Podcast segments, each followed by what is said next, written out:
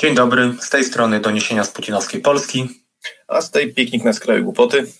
I razem tworzymy podcast dezinformacyjny, w którym rozmawiamy o prawdzie, kłamstwie, informacji, dezinformacji, czyli wszystkim tym, co tworzy polską politykę. I dzisiaj zapraszamy na nasz trzeci odcinek pod tytułem Razem oddzielnie, czyli Gdzie się podziała partia Adriana Zandberga. Zapraszamy. Najpierw powiedzmy, co się stało. Otóż tydzień temu Koalicja Obywatelska, Trzecia Droga i Lewica podpisały umowę koalicyjną, która ma być taką, takim dokumentem programowym nowego rządu, który niedługo powstanie.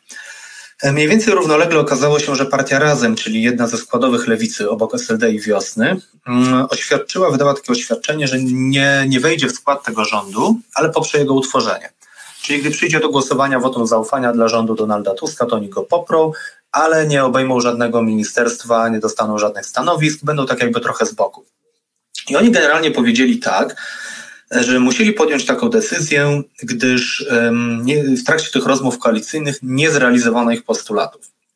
Partia razem wydała generalnie takie oświadczenie, które tutaj zaraz przytoczymy, o jakie postulaty chodziło, ale zasadniczo powiedziała, że nie było w ogóle przestrzeni do negocjacji, że y, oni byli świadomi, że ich postulaty no, nie mogą być w 100% zrealizowane, ale że odrzucono im praktycznie wszystkie. E, no, tutaj pikniku może wy, wymienisz w takim razie, o jakich postulatach była mowa w tym ich oficjalnym oświadczeniu. Tak, w telegraficznym skrócie, no to wiadomo, depenalizacja aborcji, e, oprócz tego ułatwienia dla związków zawodowych, i skrócenie czasu pracy, no to warto powiedzieć, że w trakcie kampanii partia Donalda Tuska też zapowiadała, że będą wdrażać jakiś pilotażowy program czterodniowego tygodnia pracy. Natomiast no, nie znalazło się to w umowie koalicyjnej. Y, I oprócz tego miały tam sztandarowe E, pomysły i partii Razem, czyli walka ze, śmieci, ze śmieciówkami, pełnopłatne chorobowe, 8% PKB na ochronę zdrowia, 3% PKB na naukę i 1% PKB na mieszkalnictwo społeczne, to publiczne, czy nie wiem jak to, jak to nazwać, no ale no generalnie chodzi o to, żeby państwo też wspierało budownictwo mieszkań.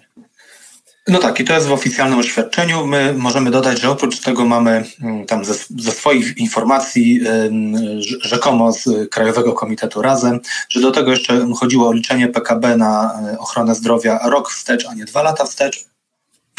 Przepraszam, ja będę dzisiaj trochę chrypiał, bo jestem jeszcze trochę chory, zresztą kolega Piknik też, to z góry przepraszamy. No w każdym razie liczenie PKB na zdrowie rok wstecz, a nie dwa lata wstecz. Te dwa lata wstecz to PiS y, wprowadził stosując taką kreatywną księgowość, ponieważ PKB co roku rośnie.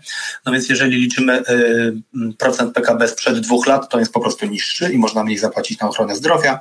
Y, dalej mamy tutaj informację, że chodziło także o wpisanie na twardo, że mieszkania będą finansowane przez państwo, o waloryzację podwyżek dla budżetówki i wpisanie też na twardo do budżetu 20% podwyżki właśnie dla budżetówki i 30% dla nauczycieli oraz jeszcze finansowanie komunikacji zbiorowej, czyli tak zwanego No i e, rzekomo z tych informacji, które tutaj mamy oraz tego oficjalnego oświadczenia razem wynika, że e, wszystko to zostało odrzucone.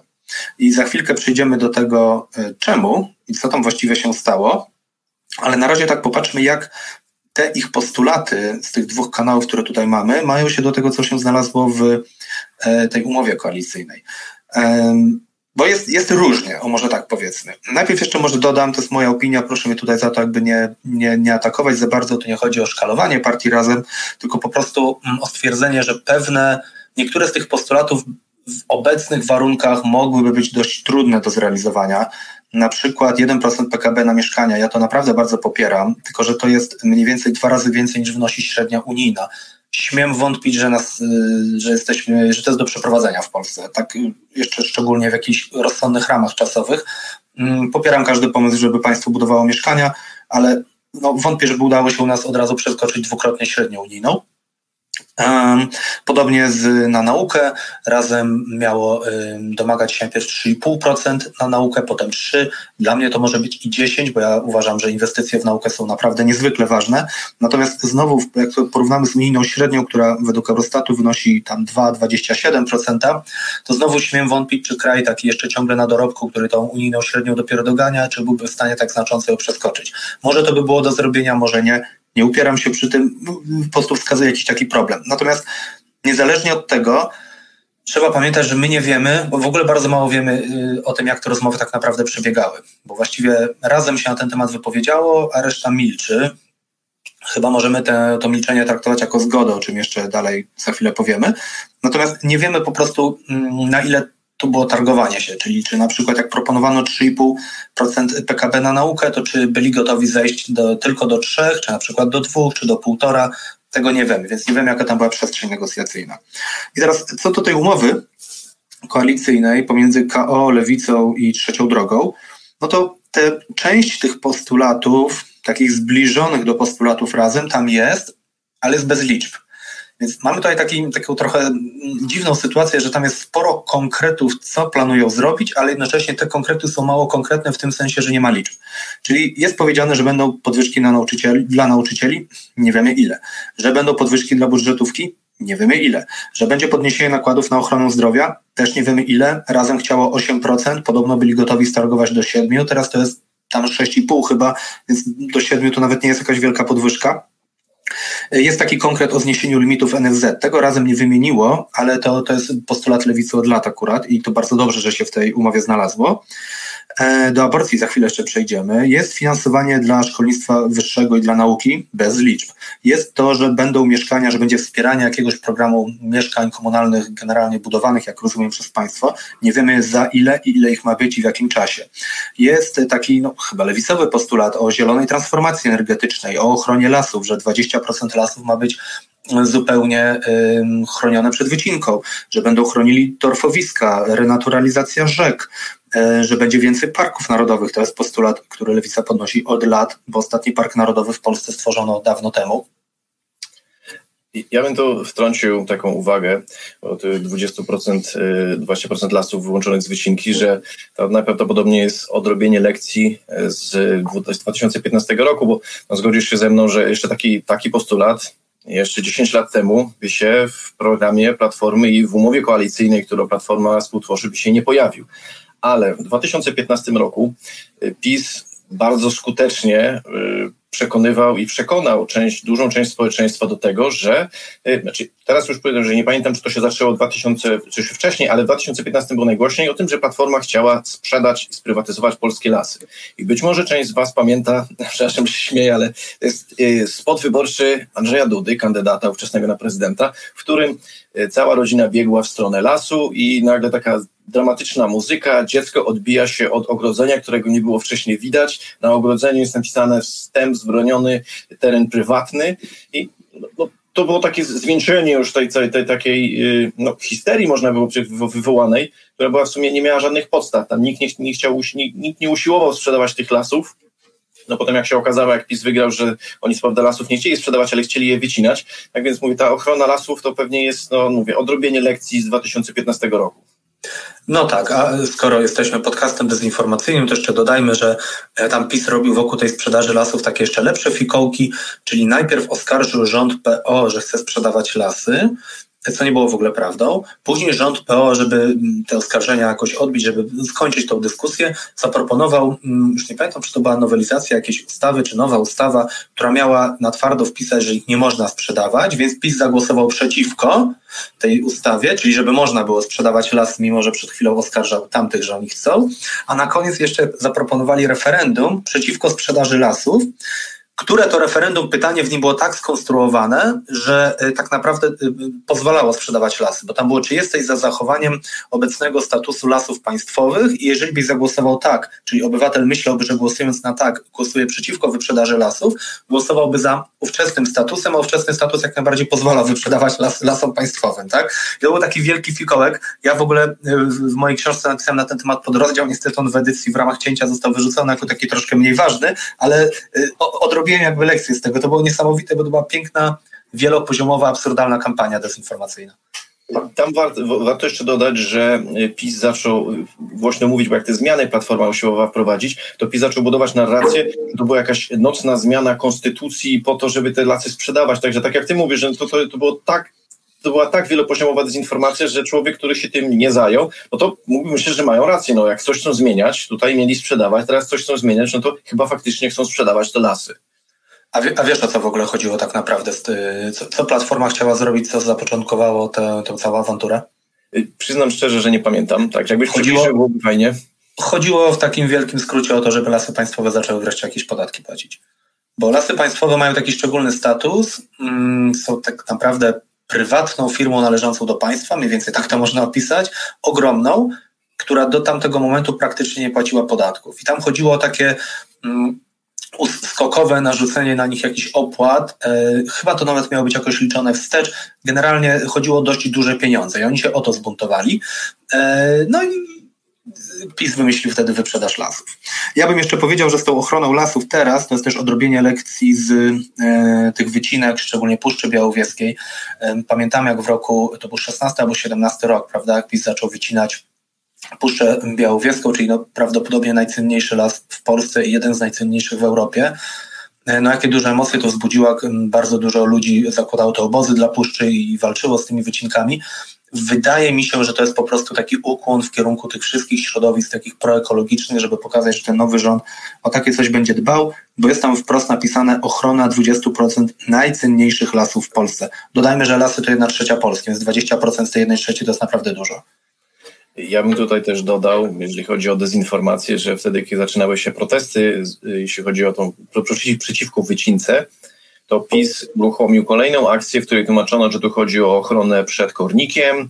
E, zaczęto jakieś takie absurdalne argumenty się pojawiały, że jak ten kornik będzie gryzł drzewo, ono się może na kogoś przewrócić, jak ktoś będzie w tym lesie, więc tu chodzi o bezpieczeństwo ludzi. No ale to było mówiąc całkowicie na poważnie, także no, nas to może dzisiaj śmieszyć, ale wtedy to był, to był mainstream. No, ale jak nie wiadomo o co chodzi, to pewnie gdzieś chodzi o pieniądze, bo szybko też się okazało przecież, że ym, kontrakty na wycinkę czy odbiór tego drewna z tego lasu to dostały jakieś firmy, jeśli dobrze pamiętam, y, jakichś kolegów z liceum pana ministra Szyszki, y, co mnie zupełnie nie dziwi. Zupełnie przypadek. Tak, ale dobra, wracając, o tym być może jeszcze kiedyś powiemy w ogóle a propos jakiejś ochrony przyrody. Więc mamy tutaj taki szereg postulatów w tej um, umowie koalicyjnej. Aha, jeszcze nie dodałem jednego mniej, dwóch, przepraszam, mniejsze podatki, e, obciążenia podatkowe dla pracowników, no tak najbardziej lewicowy postulat. E, no i rozdział Kościoła od państwa, aczkolwiek kompletnie bez konkretów jest tylko jednym zdaniem powiedziane, że chcemy, by było rozdzielone i tak dalej. Nie wymieniam tutaj celowo tych wszystkich postulatów dotyczących sprzątania po PiSie, przywracania transparentności, praworządności i tak. No więc zmierzam do tego, że tak jak już powiedziałeś, 10 lat temu nie ma opcji, żeby Platforma Obywatelska coś takiego zrobiła. Nie ma opcji. Dzisiaj koalicja, e, która będzie rządziła, nawet już po odejściu Razemitów, ma 241 posłów, z czego PO ma tam 160 kilku, czyli ma zdecydowaną większość. Mm, I no, mimo to znalazło, a jakby ciężko też le, lewicowcami nazwać PSL a, i część Hołowni. No więc y, y, mimo to znalazło się tutaj sporo takich postulatów, pod którymi myślę, że partia razem by się podpisała, ale nie były to te ich postulaty, które no, szły jeszcze dalej, to były takie ich autorskie postulaty, yy, które obiecywali wyborcom od dawna. No i co najważniejsze być może, odrzucono ustawę ratunkową oraz legalną aborcję. To jest coś, czego nie rozumiem, bo z jednej strony e, wprost wpisano w tej umowie koalicyjnej odwrócenie wyroku Trybunału Przyłębskiej, tego z 20 roku. To się da zrobić na różne sposoby. Natomiast odwrócenie tego wyroku to jest tylko powrót do cudzysłów kompromisu aborcyjnego z 93 roku, czyli i tak jednego z najbardziej restrykcyjnych praw aborcyjnych na świecie. Um, natomiast y, zarówno PO, jak i Lewica jasno obiecywały, że aborcja będzie legalna. I właściwie, jeżeli nie wpisali tego w umowę, to wydaje się, że jedyną, znaczy są dwie możliwości. Pierwsza, że po prostu tego nie zrobią, i wtedy będą ludzie wychodzili na ulicę. Ja też na pewno do nich dołączę i jestem pewien, że strajk kobiet, legalna aborcja, wszystkie te organizacje będą organizowały protesty, tak samo jak organizowały to zapisu, bo, no bo nie to było obiecane po prostu. Jakby nikogo tutaj nie obchodzi na przykład poglądy religijne Hołowni. Um, albo druga opcja jest taka, że nie zrobią tego ustawą, tylko um, y, rozporządzeniem ministra zdrowia, a właściwie to rozporządzenie już jest. E, KO wprawdzie zapowiada, że ich będzie więcej, rozumiem, że jakoś to rozszerzą, ale już jest rozporządzenie w życiu ministra zdrowia, potwierdzone przez pisowskie Ministerstwo Zdrowia i pisowskiego Rzecznika Praw Pacjenta i jeszcze prokuratora generalnego, czyli przez Ziobrę, które mówi, że mm, przesłanka o ochronie zdrowia kobiety oznacza też zdrowie psychiczne, co de facto oznacza aborcję na życzenie. E, to wszyscy wiedzą. Nawet Ordo Juris i Kościół to krytykowały, właśnie mówiąc, że to oznacza aborcję na życzenie tak naprawdę. No w każdym razie zobaczymy, jak tu będzie. E, mam głęboką nadzieję, że to jest naprawdę to jest, to jest, jeden prosty przepis i to się po prostu może stać i już idźmy dalej i zajmijmy się innymi rzeczami. To jest po prostu podstawowe prawo człowieka, które można jedną ustawą albo rozporządzeniem załatwić.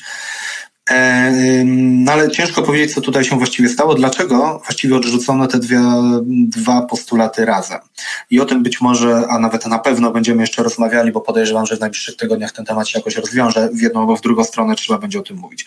Więc krótko mówiąc, żeby zamknąć ten dłuższy wątek. Czyli razem miało listę postulatów. Razem twierdzi, że z tych postulatów nic, e, wszystko zostało odrzucone i rzeczywiście na to wygląda, Aczkolwiek w tej umowie koalicyjnej znalazła się część takich ogólnikowych postulatów idących mniej więcej w tym kierunku, który tutaj wyznacza razem. Czyli nie było takich rzeczy jak na przykład y, to skrócenie czasu pracy albo finansowanie zbiorkomu z budżetu, ale no, albo ułatwienia dla związków zawodowych, to na pewno jest dosyć, dosyć ważne.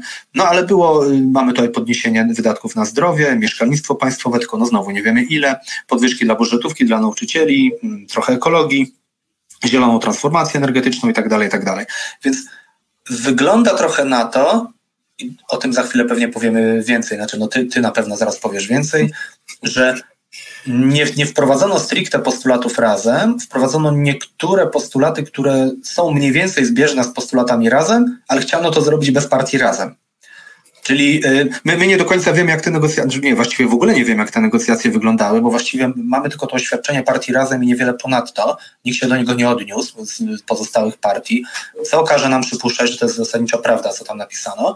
Natomiast y, no tak to trochę wygląda, nie? czyli że obiecano wyborcom pewne rzeczy, więc je wpisano w tę umowę, ale tak troszeczkę bardziej ogólnikowo te rzeczy na dobrą sprawę są na tyle zbieżne z postulatami partii razem, że mogliby przyjąć te postulaty partii razem, bo to nie są wielkie różnice.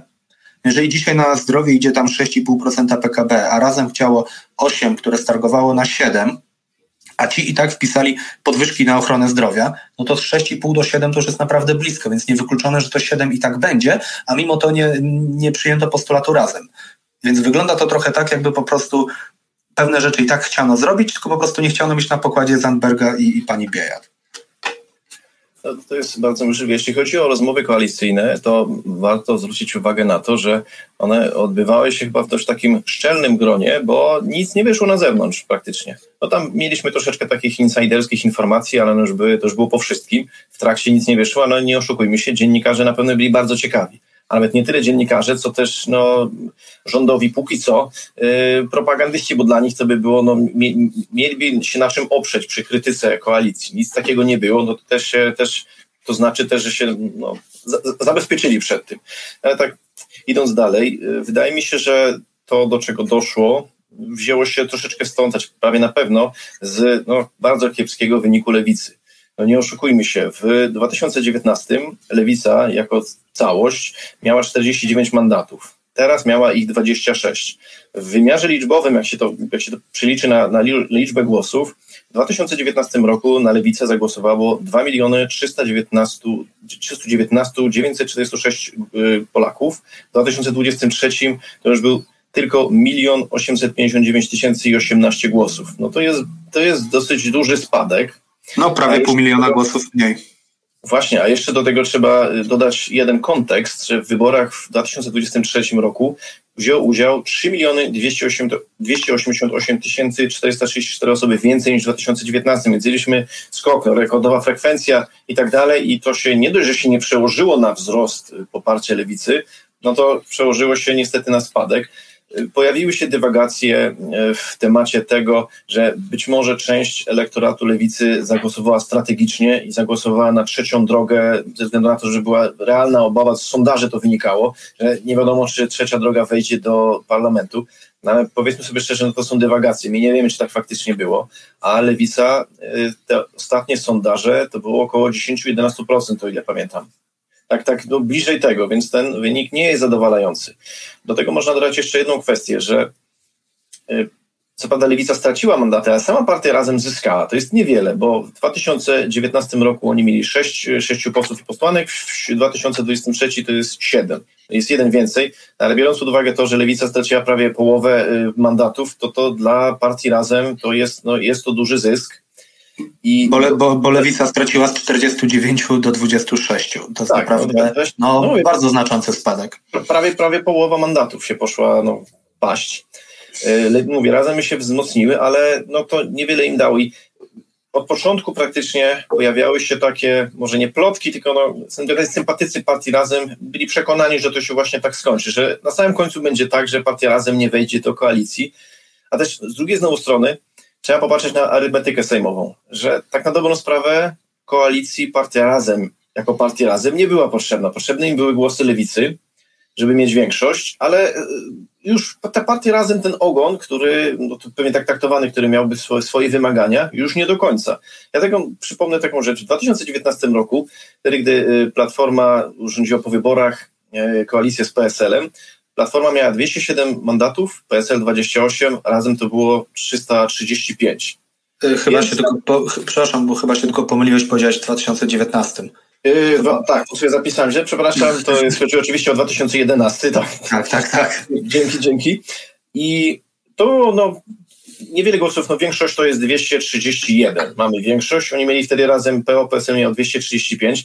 No i też można było myśleć, że stabilniejszą większość mieliby, gdyby wzięli sobie SLD jeszcze do tego. SLD tam miało 27, bodajże 29, teraz już mówię, to jest, no, pamięć do liczby mam taką, no ale mniej więcej zbliżoną miała tą, zbliżone liczbę mandatów do PSL-u nikt ich nie wziął. Wystarczyło właśnie te 235 i teraz też, no, e, bez partii razem, ty powiedziałeś 241 mają. Mhm. Tak, i to jest tak, całkowicie im to wystarczy. Ponadto, no to trzeba też na to popatrzeć w ten sposób, że bez partii razem, partii razem trzeba by było dać jakieś ministerstwo, trzeba by było dać, no gdzieś tam to, te, coś tej partii razem jeszcze dać, oprócz realizowania postulatów, aczkolwiek wydaje mi się, że y, właśnie tym sporne to było właśnie realizowanie postulatu, bo zwróć uwagę, tak jak ty podkreśliłeś parę razy, są zapisy, ale są bardzo ogólne. Mogą być bardzo małe te po, po, po, podwyższenia, e, te zwyżki, te nakłady mogą być podniesione o bardzo niewiele, a no, de facto będą podniesione. Partia razem chciała, żeby było tam coś na sztywno już zapisane i możliwe, że tutaj był właśnie problem. Teraz mówię, no nie wiemy jak negocjacje prze, przebiegały. I jest jeszcze inna kwestia, to jest oczywiście coś, czego możemy się domyślać, że w samej lewicy zbyt dużo miłości do partii razem nie ma. Po 2015 roku, no przecież wtedy powstały jeden z bardzo popularnych trunków, wcześniej były to wina Tuska, po 2015 była, były wina razem, to, że razem było obwiniane o to, że doprowadziło do tego, że PiS miał samodzielną większość, bo wystartowali, lewica miała mniejsze poparcie i no to jest też informacje, co nie są jakieś specjalnie insiderskie, bo to wychodziło na zewnątrz, ale no, SLD ówczesne nie przepadało za partią razem.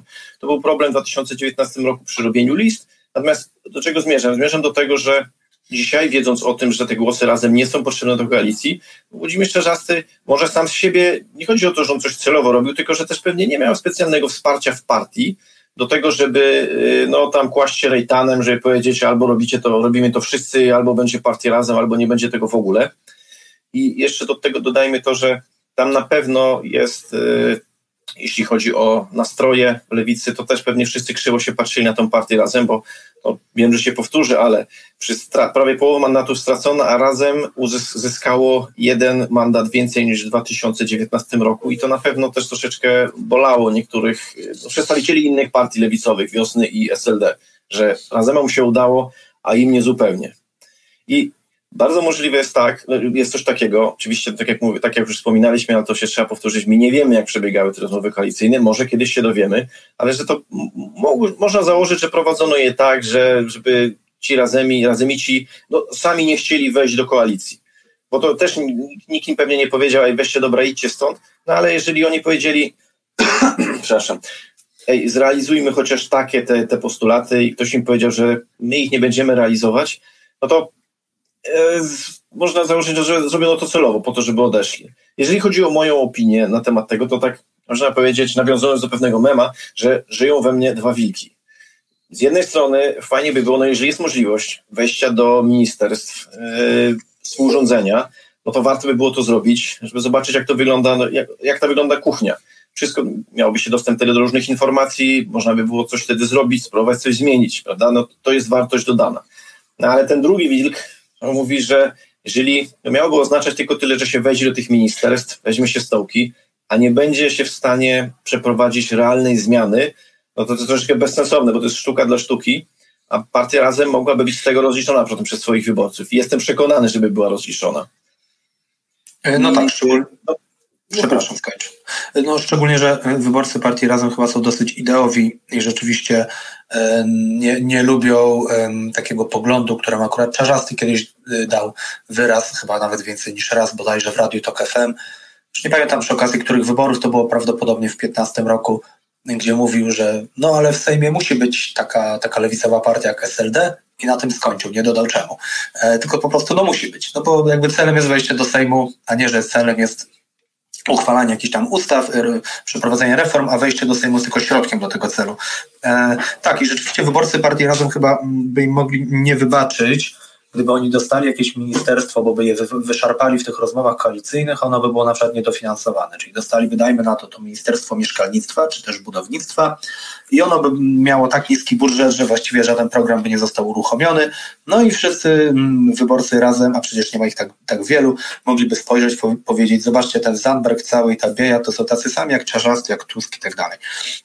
Ja bym powiedział, że e, może nie tyle, że żyją we mnie dwa wilki, co po prostu oni stali przed trudną decyzją. Nie? Jakby żaden wybór nie był dobry, bo e, ta decyzja, którą podjęli o odejściu, według mnie oni się marginalizują i pozbawiają się tego doświadczenia. Zwróć uwagę, że nie ma w partii razem chyba nikogo, kto ma jakieś porządne doświadczenie w pracy w administracji, w jakimś ministerstwie. To jest niezwykle ważne, prawda? Gdyby oni byli w tym rządzie, nawet gdyby to ministerstwo było tak potraktowane po macoszemu i niedofinansowane, to jednak przez cztery lata ludzie razem w, tych minister- w tym ministerstwie siedzieli, zdobywali doświadczenie, szlify i tak dalej. I to jest bardzo, to potem bardzo profituje w przyszłości. Tego nie będą mieli. Mm. Z drugiej strony, no wizerunkowo to chyba zrobili dobrze, bo lepiej chyba być poza tym rządem, i czasem głosować mm, te, te ustawy, z którymi się zgadzają, a potem głosować przeciwko tym ustawom, z którymi się nie zgadzają i nie musieć świecić oczami przed własnymi wyborcami e, za to, że rząd, w którym razem stanowiłby absolutną mniejszość, przegłosowywałby bardzo dużo ustaw, które razem i tam się zupełnie nie podobały. Tutaj rzeczywiście trochę wracamy też do arytmetyki, bo zobacz, jeżeli powstaje rząd, koalicja rządowa, e, no i powstaje z kilku partii, które mają różne postulaty no to jakoś trzeba te postulaty podzielić. Właściwie jedyną metodą, taką względnie rozsądną i uwzględniającą to, co wyrazili wyborcy nad urnami, jest podzielenie tego mniej więcej proporcjonalnie do tego, ile kto dostał głosów, prawda? No chyba tak. No tak. Ewentua ewentualnie można po miejscach y, w Sejmie, jak wiemy, one troszeczkę inaczej się rozkładają z powodu metody Donta. Natomiast no mniej więcej tak. W obydwu tych wypadkach partia razem i tak by jakby zaczynała z bardzo niskiego pułapu, bo y, oni dostali jakiś tam, nie wiem, 1% w tych wyborach, a posłów mają 7 z 248. Więc jeżeli partia razem by przygotowała, nie wiem, 20 postulatów, to jakby z automatu wchodzi na pole, gdzie może targować się, nie wiem, dwa. Tak? Więc byli trochę na straconej pozycji z góry.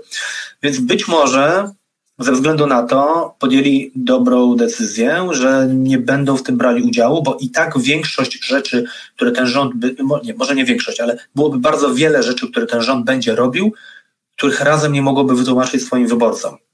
Bo jakby znaczy byłoby to trudne do wytłumaczenia. I tutaj właśnie wchodzi ten mój, mój też drugi wilk, który mówi, no trudne to nie znaczy niemożliwe, czyli wydaje mi się, że elektorat razem jest na tyle rozgarnięty i bystry, że powinno być chyba możliwym przedstawić im w taki obiektywny, rzetelny, transparentny sposób. Słuchajcie, sytuacja jest taka, nas jest siedem osób, dostaliśmy tyle a tyle głosów, mm, koalicja jest taka, taka duża, jest dosyć szeroka, bo od nas po PSL. E, wiadomo, że będą tam e, przechodziły przez ten rząd rzeczy, które nam się wcale nie podobają, ale my mimo wszystko chcemy tutaj realizować tam jakiś tam swój jeden postulat, który nam się udało wywalczyć. Wydaje mi się, że byłoby to możliwe, ale znowu wracamy tak naprawdę do ściany, że nie wiemy, jak te rozmowy wyglądały, a mamy prawo przypuszczać, że wyglądały tak, że ich po prostu wyproszono. Czyli dano im takie warunki, że wiedziano, że muszą odejść, że jakby pewna granica została przekroczona. No i jeżeli tak było, no to jakby mogli podjąć już tylko taką decyzję. I na to by też wskazywało to, że tym razem, tak jak tutaj wspomniałeś o Wina Razem e, po roku 2015, gdy Razem startowało oddzielnie od Lewicy i w efekcie ani jedni, ani drudzy nie weszli do Sejmu, że tym razem tego nie było. To znaczy, tak jakby w tych... ja, ja, tutaj, ja tutaj wtrącę, żeby to, jak powiedziałeś, to zabrzmiało troszeczkę, że to e, efektem było, było to, że nie weszła ani partia Razem, ani, ani Lewica. E, ja tutaj taką dygresję popełnię. To, to wy, wy, wynik Lewicy w 2015 roku to była zasługa Leszka Millera i tego, co on wcześniej zrobił. Ponieważ wyborcy dalej mieli w pamięci Magdalenę Ogórek jako kandydatkę na urząd prezydenta, która no, no to był dosyć bo to, że nikt jej nie znał na samym początku, to nie było nic złego, bo Andrzeja Dudę też mało kto znał. Ale potem jak zaczęli ją poznawać, to była osoba, która się absolutnie no, nie o to chodzi, że ona się nie nadawała na urząd, ale ona się nie nadawała do prowadzenia kampanii. Że kabarety polskie nabijały się z tego, że jeśli jest, kiedy była w, y, konferencja prasowa, to właśnie konferencja spotkania z dziennikarzami, to na pytania dziennikarzy zadawane Magdalenie Ogórek odpowiadał Leszek Miller. No, mówię, jeśli kabarety już coś podchwycą, to znaczy, że to jest, no, że to już ludzi bawi. Potem była jeszcze inna kwestia. Y, w 2015 roku y, startowała Lewica, a czy SLD połączone z ruchem Palikota, z tym, co zostało z ruchu Palikota. I istotne jest to, że te dwie partie przez praktycznie całą kadencję się układały. Y, wtedy ten Twitter polski w tej politycznej nie odgrywał jakiejś specjalnej roli, ale jak się go obserwowało, no to oni się tam non-stop łomotali, po czym nagle doszli do wniosku, że oni wystartują razem, co nie musiało być y, jakoś specjalnie złym, złą decyzją, gdyby jakoś to uzasadnili, bo tak to wyborcy odebrali to tak, że aha, spadały im sondaże, no to chcą startować razem. No i sprawa ostatnia, nikt im nie kazał startować jako koalicja. Nikt im nie kazał umawiać się na próg 8%. Oni sami to podjęli tą decyzję i owszem, można w tym momencie powiedzieć, że gdyby partia razem nie powstała, to być może oni przekroczyliby ten próg. Ale równie dobrze te, ci ludzie mogliby nie zagłosować na, na, na, tą, na ten zlepek, a, a jest jeszcze taka kwestia, że mówię, no tak jak nikt ich, nikt ich nie zmusił i to ten spadek nie wziął się z partii razem, tylko mówię z tego, co się działo wcześniej, jak Miller zarządzał partią. Więc y, oczywiście, no, można mówić, powtarzam się, dywagować, że gdyby partia razem nie powstała, to SLD by weszło, ale no, mówię, dla mnie to są takie dywagacje troszeczkę bezprzedmiotowe. Natomiast to już weszło do mainstreamu. To jak się, jeśli chodzi o, o mocno y, liberalny komentariat, to, to, jest, to, to jest dogmat tam, to jest dogmat, to jest wszystko wina razem. Tak, tak, to prawda, tak rzeczywiście jest. Ja bym powiedział tak, bo razem chyba wtedy jakieś 2,5% dostało, jeśli dobrze pamiętam, a tej lewicy... Nie, nie wiem, czy 3 nie przekroczyli, bo mieli też jakąś tam kwestia subwencji, a, subwencji. była. Możliwe, to tutaj nie, nie, nie sprawdzałem teraz, ale mm, nawet jeżeli to było 2,5, a lewicy zabrakło bodajże 0,4%, to pewnie gdyby razem nie było, no to ten, ten, ten, ten co szósty wyborca by tam na tą lewicę zagłosował, ale rzeczywiście znacznie większy wpływ miała koszmarna mm, polityka prowadzona przez ówczesne SLD, jeszcze z tą Magdaleną Ogórek, pomijając, że ona skończyła w PiSie, e, ale ja bym jeszcze z nią dodał, nie, że... Oczywiście, bo tylko w mediach, ale nie, nieoficjalnie. Nie, no, o, oczywiście, ona nie jest w PiSie, wiadomo. I teraz będzie jechała studiować ten archiwa watykańskie, tak? No w każdym razie według mnie, dla mnie pamiętam wtedy było dość oczywiste, że wystawienie kogoś takiego to jest taki akt z jednej strony desperacji, nie? a z drugiej y, takiej pogardy wobec wyborców, czyli takie pokazanie, że my tu właściwie możemy takiego figuranta wystawić, właściwie kogo chcemy. Wystawimy taką młodą, ładną kobietę, żeby tam może y, faceci na nią zagłosowali, bo jest ładna, a właściwie ona nie będzie miała nic do powiedzenia, a na pytania właśnie za nią będzie odpowiadał dziadek Miller, no nie? Um, według mnie takie coś było i musiało być jednoznacznie odebrane przez ich wyborców jako e, taki policzek trochę, nie? że po prostu nie traktują ich poważnie. No, dokładnie zresztą tak samo, jak powinno było być z Andrzejem Dudą, ale tamten to przynajmniej jeszcze można powiedzieć, że pracował w kancelarii Lecha Kaczyńskiego, był prawnikiem i coś tam robił, a Madzia Ogórek nie robiła nic zupełnie wcześniej. Ja bym tu jeszcze dodał to, że jednak PiS, no tak samo, no, nasza opinia na temat tej partii jest znana, ale kampanię w 2015 roku przeprowadzono bardzo dobrze. Oni z tego mało znanego polityka zrobili kandydata i to tak pełną gębą. I gdyby SLD się przyłożyło wtedy do tej kampanii, znaczy ja nie mówię, że Magdalena Ogórek by tam coś mogła e, ugrać dużo, bo to było nierealne, nie w sytuacji, w której ona nie była w stanie publicznie występować i jak zaczynała wypowiedź, to wiecie, My jak zaczynaliśmy, to, to jest trzeci odcinek naszego podcastu, jest troszeczkę też takich oporów, człowiek tam się zastanawia, jak co ma powiedzieć, natomiast ona robiła to tak, jakby to klepała na pamięć i było tam o, o, prezydenta, to zaczyna się być, po co nam prezydent? To była jakaś tak nawet intonacja była, że po prostu mówię, to tam tutaj cudów nie było, no ale można było chociaż coś, coś, coś zrobić, nie wiem, powalczyć, no, popracować trochę nad tą kandydatką. Natomiast tam było tak, że ją wystawili i, no, i zobaczymy, co się stanie. No i, no i zobaczyliśmy. Wszyscy. No tak, no, tak, taki wpadek mia, miała więcej. Pamiętasz to, że powiedziała, że gdyby Putin do niej zadzwonił, jakby była prezydentem, to ona by się nie bała dobrać telefonu, ale nie dodała, co by dalej powiedziała. Że on spytała go, czy nie wiem, ciasto grube czy cienkie, nie wiadomo, tak? E, dobra, ale wracając do teraźniejszości, czyli wtedy była wina razem, wiadomo, a, i tym razem rzeczywiście to się nie stało, czyli poza jakimiś takimi nielicznymi, rzeczywiście bardzo y, twardo pro-platformerskimi publicystami czy komentariuszami, jak na przykład pan Sarmanowicz. No właśnie, to miałem tak, powiedzieć, dobra. Tak, tak, ale nawet on to nie było jakiegoś takiego wielkiego hejtu w tym, tylko taka złośliwość zwykła, u niego akurat częste. E, do tego hejtu, takiego ogólnego ataku na razem nie dostrzegliśmy. Nie było za bardzo wrogości. I rzeczywiście, tak jak już powiedziałem wcześniej, gdy razem wydało to oświadczenie, podjęło tą uchwałę, że poprze rząd, ale nie wchodzi do niego i że szanuje wolę wyborców, którzy chcą demokratycznego rządu, e, to rzeczywiście nikt ani z KO, ani z trzeciej drogi, ani z reszty lewicy jakoś tak się nie, nie paliłby to w ogóle skomentować, ani tym bardziej skrytykować. Co z jednej strony e, jakby no, zmusza nas do, czy skłania nas do myślenia, że po prostu ich wyproszono, a z drugiej strony, że wszyscy byli z tego rozwiązania zadowoleni, nie? że po prostu dobrze się skończyło, względnie pokojowo. Ja bym dodał jeszcze, że z punktu widzenia tej koalicji być może lepiej było pozbyć się, tak mówię czysto taktycznie i cynicznie, politycznie, niezależnie od tego, kto co o tych postulatach myśli. Lepiej było się ich pozbyć teraz, bo być może kalkulowano, że i tak by ich trzeba było wyrzucić na przykład za rok. I tylko były wtedy problemy wizerunkowe, bo wyrzucenie ich za rok, bo oznaczało wyrzucenie jakiegoś ministra i to zawsze źle wygląda, a tam by się wybory prezydenckie zbliżały, PiS by to mógł wykorzystać, a tak to od początku ich odcięli i teraz będą mieli spokój, razem ci sobie będą tam z nimi głosowali lub nie. Tak na, tak na dobrą sprawę to w tej koalicji to mało kogo będzie to chyba obchodziło, może poza jakimiś paroma ustawami obyczajowymi, gdzie tych siedem głosów może się liczyć wobec jakiegoś oporu e, konserwatystów PSL-u. No i przede wszystkim chyba chodziło też o to, że nie ma tej wrogości, że razem powiedziało, że poprze ten rząd, nie? Um, bo no właśnie szanuje tą wolę wyborców. Um, I jakby, no i co, za czym oni będą głosowali, a, a za czym nie będą głosowali? Co będą według Ciebie robili? Czy było znaczy oświadczenie na samym początku, było wspomniane, bodajże to y, Magda Biejat powiedziała, że no, rząd teraz, który powstanie, będzie miał swoje tam zadania. Też Zandberg chyba też to powiedział, ale to, to, jej wypowiedź była tam szerzej komentowana, że przywrócenie praworządności, pozyskanie środków z KPO, poprawa stosunków z Unią Europejską i generalnie tam polityki zagranicznej, te relacje z UE muszą być poprawione.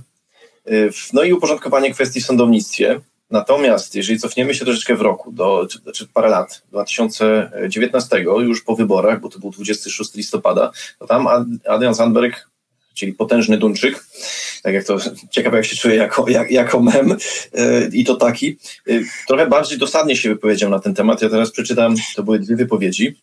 Y, jednym z elementów przywracania porządku praworządności w Polsce będzie także rozliczenie osób, które dopuszczały się działań antykonstytucyjnych. Minister Ziobro niewątpliwie się na tej liście znajduje. I potem było rozwinięcie tego. To nie jest kwestia, żeby głośno wygrażać, tylko żeby ręka nie zadrżała, kiedy trzeba zagłosować, jak to się niektórym przydarzało taki przytek w stronę tego, że nie było Trybunału Stanu dla Ziobry. Moja deklaracja jest jasna, lewicy w tej sprawie ręka nie zadrży. To było bardzo szeroko komentowane, szczególnie po prawej stronie, ale no, w kontekście tego, co powiedziała y, Magda Biejat, że tu będą dbali, ten, to sądownictwo trzeba uzdrowić i tak dalej, to znaczy, że to, to, to zostało podtrzymane.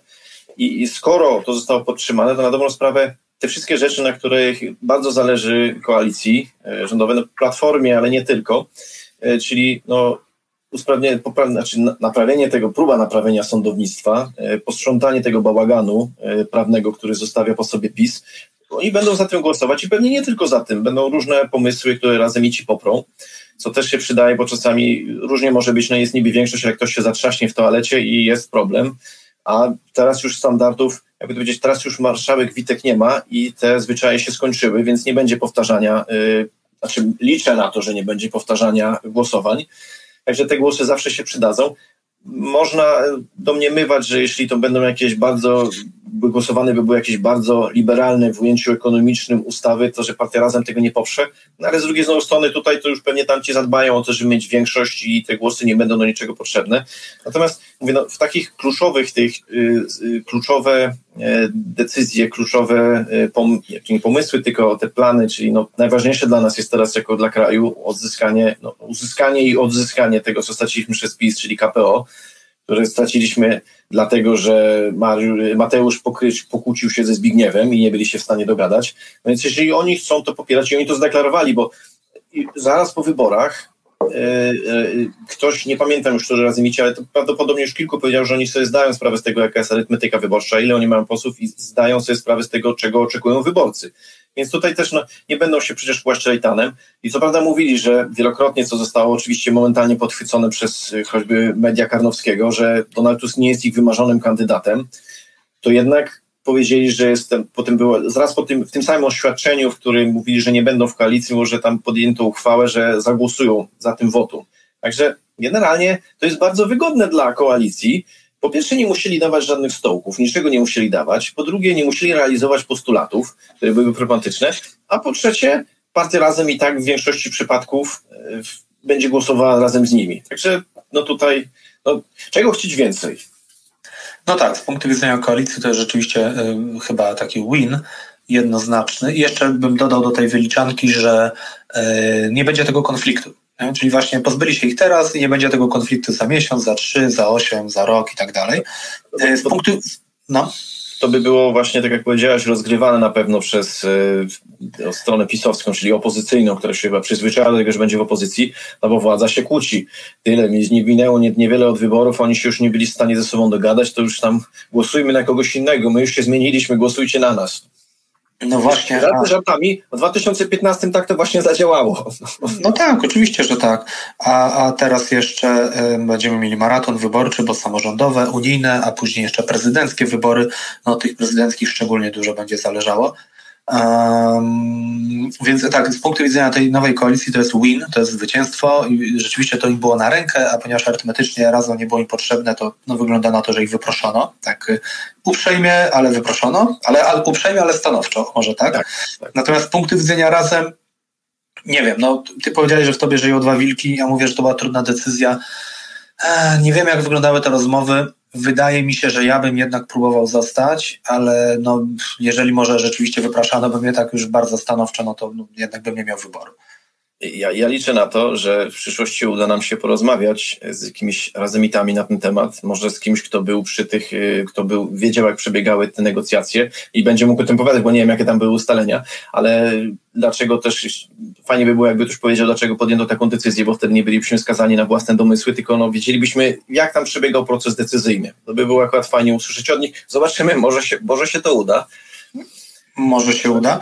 E, no, natomiast może na koniec jeszcze dodajmy, że e, tak może troszeczkę zajawiając jakiś kolejny odcinek, jeszcze nie wiemy kiedy nagrany, że prawdopodobnie do takiej kłótni pomiędzy w ogóle wewnątrz koalicji i jeszcze do tego z razemitami i tak prawdopodobnie niedługo dojdzie przy okazji aborcji. Bo jak wiemy, Lewica już złożyła dwa projekty ustaw, one tam się troszeczkę będą procedowały, bo tam dopiero się konstytuuje to prezydium Sejmu, potem te komisje wszystkie i tak dalej, i tak dalej. To nie jest tak, że tu pierwszego dnia od razu się głosuje, ale generalnie wszyscy zapowiadają, że zajmą się tym szybko, tak przynajmniej Hołownia mówi. Zakładamy, że w najbliższych tygodniach to wyjdzie z tych komisji. To są dość proste ustawy, e, e, właśnie ta depenalizująca aborcję i i też pomoc w aborcji, bo to jest dosyć ważne. I prawdopodobnie tak do tej kłótni dojdzie. Zobaczymy, co się wtedy będzie działo. Prawdopodobnie ten odcinek też wtedy będzie trzeba nagrać. Ja jestem ciekawy, inna rzecz mnie ciekawi, czy mainstreamowe media odrobiły lekcję, czy też przy okazji dyskusji na temat ustawy o aborcji Kaja Godek wróci do mainstreamu i znowu będzie zapraszana do różnych programów po to, żeby tam mówiła, y, dzieliła się swoimi przemyśleniami. No, to, Zobaczymy. Natomiast ja bym chciał na sam koniec e, takie, no, dodać jedną rzecz. Mnie tematyka lewicowa no, interesuje, co pewnie nikogo nie dziwi.